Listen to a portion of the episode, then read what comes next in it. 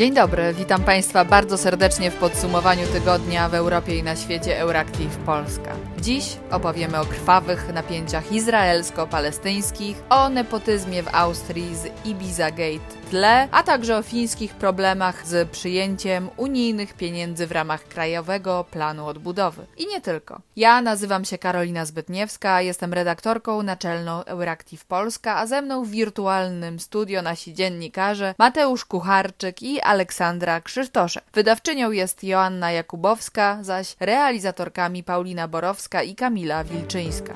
No to zaczynamy od Izraela, gdzie w poniedziałek doszło do eskalacji przemocy między Żydami i izraelskimi Arabami po tygodniach narastającego napięcia. W środę siły obronne Izraela IDF przyznały, że ich uderzenia na strefę gazy były największe od czasu konfliktu w 2014 roku. Premier Benjamin Netanyahu wysłał tysiące żołnierzy na granicę ze strefą gazy. Netanyahu powiedział, że rząd użyje wszystkich swoich sił, aby chronić Izrael przed wrogami na zewnątrz i wewnątrz kraju. Jednocześnie też autonomia palestyńska potępiła militarną agresję Izraela, pisząc, że to traumatyczne przeżycie dla i tak już udręczonej populacji dwóch milionów ludzi. Dziś w nocy odbyło się więc kolejne masowe bombardowanie strefy gazy. Liczba zabitych wzrosła od poniedziałkowych starć już około dwukrotnie do co najmniej 103 osób, w tym 27 dzieci.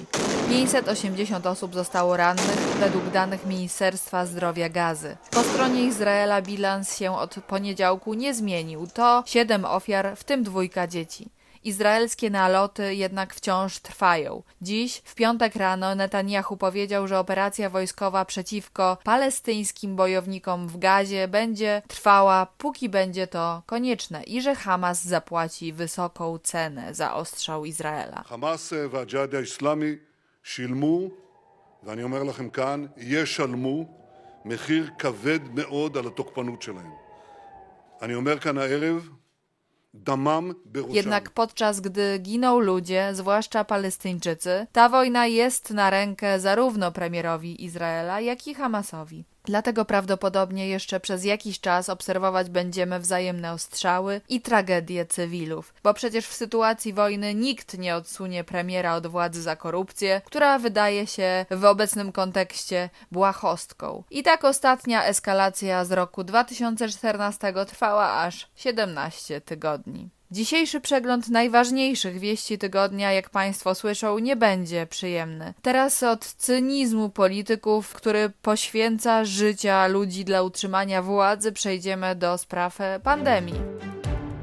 Ale może najpierw wspomnę tu o czymś dla Polaków przyjemnym, bo już od jutra, od soboty 15 maja, zniesiony zostanie obowiązek noszenia maseczek na świeżym powietrzu, a także otwarta zostanie gastronomia zewnętrzna, czyli ogródki i tarasy. A już za tydzień, od piątku 21 maja, otwarte zostaną kina, teatry i filharmonie. A ja wreszcie obejrzę Nomadland, na który tak czekam.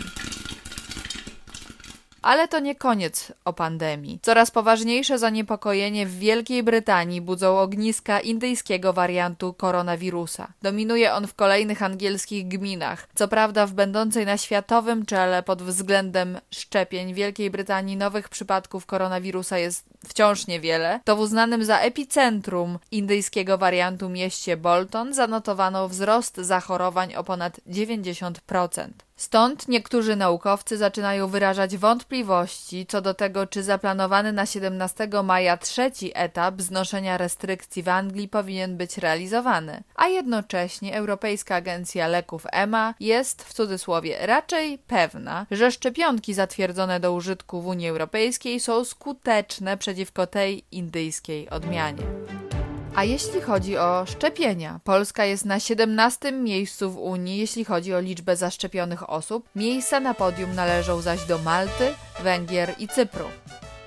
Węgrom pozazdrościła Słowacja i choć zapowiedziała wstrzymanie podawania brytyjsko-szwedzkiej szczepionki AstraZeneca, to jednak od czerwca planuje szczepienia Sputnikiem 5. Bratysława otrzymała póki co 200 tysięcy dawek tej rosyjskiej szczepionki, mimo że wywołała ona polityczną burzę i doprowadziła do upadku słowackiego rządu premiera Igora Matowicza, po tym gdy okazało się, że zamówił on dostawę szczepionek bez wiedzy koalicjantów. Ale z dużej chmury mały deszcz, bo ostatecznie 1 kwietnia zaprzysiężono rząd Eduarda Hegera, partyjnego kolegi Matowicza, który w jego rządzie był wicepremierem oraz ministrem finansów. Dziś to Matowicz jest wicepremierem i ministrem finansów, a Sputnik 5 nie przestał krążyć nad Słowacją.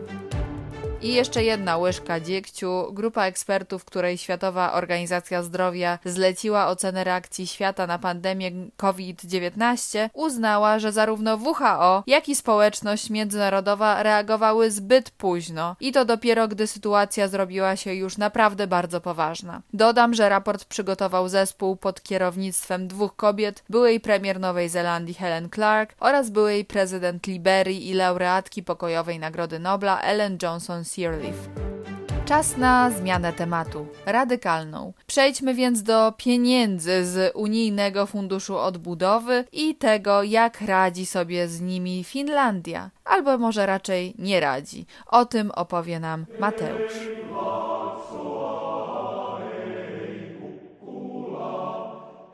Finlandia jest jednym z tych krajów członkowskich Unii Europejskiej, których ratyfikacja unijnego pakietu ratunkowego, wartego 750 miliardów euro Funduszu Odbudowy, wzbudza ogromne kontrowersje. Rząd socjaldemokratki Sanny Marin ma problemy z przyjęciem stosownej ustawy dotyczącej tzw. Tak zasobów własnych Unii Europejskiej. Finlandia jest jedynym krajem, którym wymagana jest większość dwóch trzecich głosów w parlamencie do zatwierdzenia pakietu, ponieważ według Komisji Konstytucyjnej z jego przyjęciem wiąże się znaczące przesunięcie uprawnień państwa na szczebel Unii Europejskiej. Oznacza to w praktyce potrzebę wsparcia rządu w głosowaniu przez część opozycji, a z tym jest największy problem. Dla fińskich polityków kontrowersyjne jest wiążące się z pakietem ryzyko wprowadzenia modelu trwałej odpowiedzialności za długi innych krajów z Europy Wschodniej i Południowej. Kai Mykkänen, przewodniczący opozycyjnej partii Koalicji Narodowej, stwierdził, że projekt ma kilka wad, chociaż przyznał, że nie chce wywołać chaosu w Unii Europejskiej poprzez odrzucenie Funduszu Odbudowy. Jego ugrupowanie skrytykowało rząd Sanny Marin za źle wynegocjowaną umowę na poziomie unijnym. Jednak deputowani Partii Koalicji Narodowej mają mieć podczas głosowania wolne ręce w parlamencie. Przeciwko unijnemu funduszowi na pewno zagłosuje największe ugrupowanie opozycji, narodowo-konserwatywna partia Finów. Jej lider pytał podczas środowej debaty w parlamencie, czy jeśli Finlandia ze względów politycznych nie może odrzucić unijnego pakietu, to będzie mogła w przyszłości odrzucić cokolwiek szkodliwego dla kraju. Głosowanie nad pakietem miało odbyć się w środę, jednak nieprzychylna funduszowi opozycja przeciąga debatę. W piątek e, będzie trwał czwarty, kolejny dzień dyskusji. Pięć partii rządzącej centrolewicowej koalicji posiada 117 mandatów w 200-osobowym parlamencie. Koalicja potrzebuje wsparcia więc co najmniej 18 opozycyjnych parlamentarzystów, aby pakiet został przyjęty. Jego odrzucenie przez fiński parlament oznaczałoby konieczność przeprowadzenia nowej procedury ratyfikacji unijnego funduszu we wszystkich krajach członkowskich, a odrzucenie pakietu ratunkowego spowodowałoby również obalenie siedmioletniego porozumienia budżetowego Unii Europejskiej wartego łącznie bagatela 1,8 miliarda euro. Wtedy to marszałek Senatu Tomasz Grodzki straci nadany mu złośliwie przez telewizję publiczną w Polsce tytuł człowieka, który powstrzymuje Europę przed zatwierdzeniem unijnych miliardów. Ale poza Finlandią nadal siedem państw członkowskich Unii Europejskiej nie ratyfikowało stosownej ustawy dotyczącej zasobów własnych Unii Europejskiej, są to Austria, Estonia, Węgry, Irlandia, Holandia i Rumunia. Polski Senat zajmie się ratyfikacją pakietu na posiedzeniu, którego początek zaplanowano 27 maja. Dziękuję Mateuszu. A teraz e, przeniesiemy się do Austrii, gdzie Sebastianowi Kurcowi zarzucane są tendencje orbanowskie, choć można je dziś spokojnie nazwać też obajtkowskimi. Olu, uchyl nam proszę rąbka austriackich tajemnic. Bardzo ciemne chmury zbierają się nad prawie nieskalanym do tej pory wizerunkiem austriackiego kanclerza Sebastiana Kurza. Gegen den österreichischen Kanzler Kurz wird wegen mutmaßlicher Falschaussage im Ibiza-Untersuchungsausschuss ermittelt. Kurz wies die Anschuldigungen zurück Prokuratura antykorupcyjna objęła szefa rządu śledztwem w związku z podejrzeniami o składanie fałszywych zeznań przed komisją parlamentarną. Komisja owa badała aferę Ibizagate, która w 2019 roku doprowadziła do upadku pierwszego rządu Kurca. Podczas przesłuchania w czerwcu zeszłego roku kanclerz był pytany o sprawę nominacji swojego bliskiego znajomego Tomasa Schmida na prezesa państwowego holdingu. Kurz zarzekał się, że nie miał bezpośredniego wpływu na obsadzenie tego stanowiska, choć wiadomości z telefonu Schmida jasno wskazują na coś dokładnie odwrotnego, a mianowicie, że to ówczesny kanclerz zapewnił znajomemu wysoko płatną i prestiżową pozycję. Szef rządu nie tylko odrzucił zarzuty, zapewniając, że zawsze podczas przesłuchań mówił prawdę, ale też zaatakował samą komisję, twierdząc, że ta poprzez insynuacje i przeinaczanie faktów umyślnie działa na jego szkodę. Sprawa jest jednak bardzo poważna, bo gdyby Sebastian Kurz faktycznie został uznany za winnego, to grozić mu będzie do trzech lat pozbawienia wolności, nie wspominając oczywiście o tragicznych i nieodwracalnych skutkach wizerunkowych, no bo w końcu nieczęsto zdarza się, by szef rządu został skazany na karę więzienia.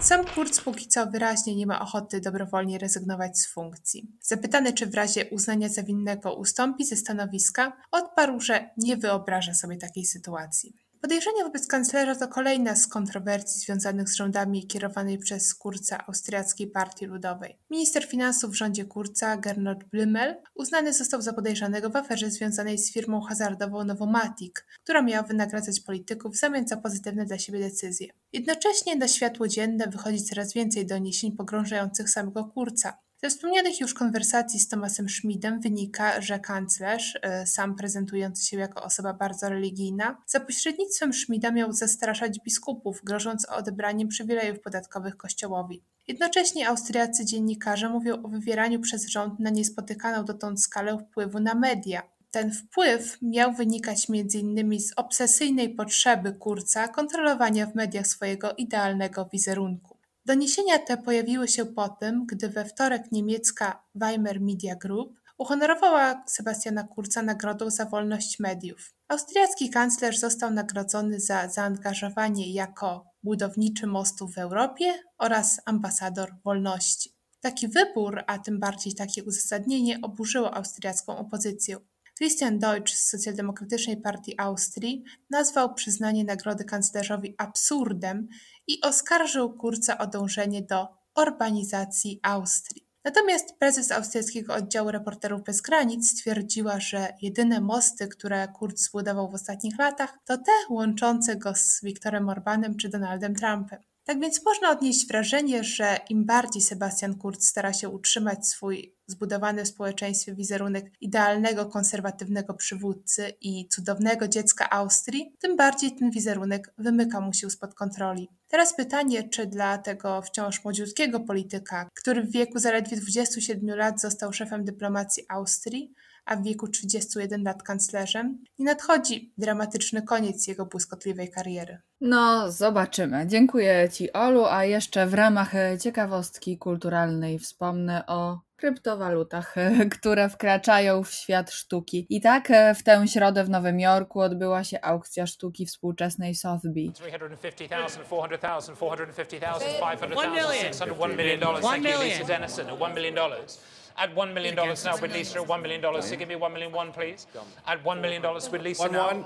$1 million $100,000. Sprzedano tam obraz Schroeder, $1 million, $1 Banksiego, którego swoją drogą wciąż trwa wystawa w Warszawie. Obraz nosi tytuł Miłość jest w powietrzu, Love is in the air. Było to pierwsze dzieło sztuki, za które Sotheby's zaakceptowało kryptowaluty jako zapłatę. Zostało ono sprzedane za niespełna 13 milionów dolarów, znacznie przekraczając wstępną wycenę 5 milionów dolarów.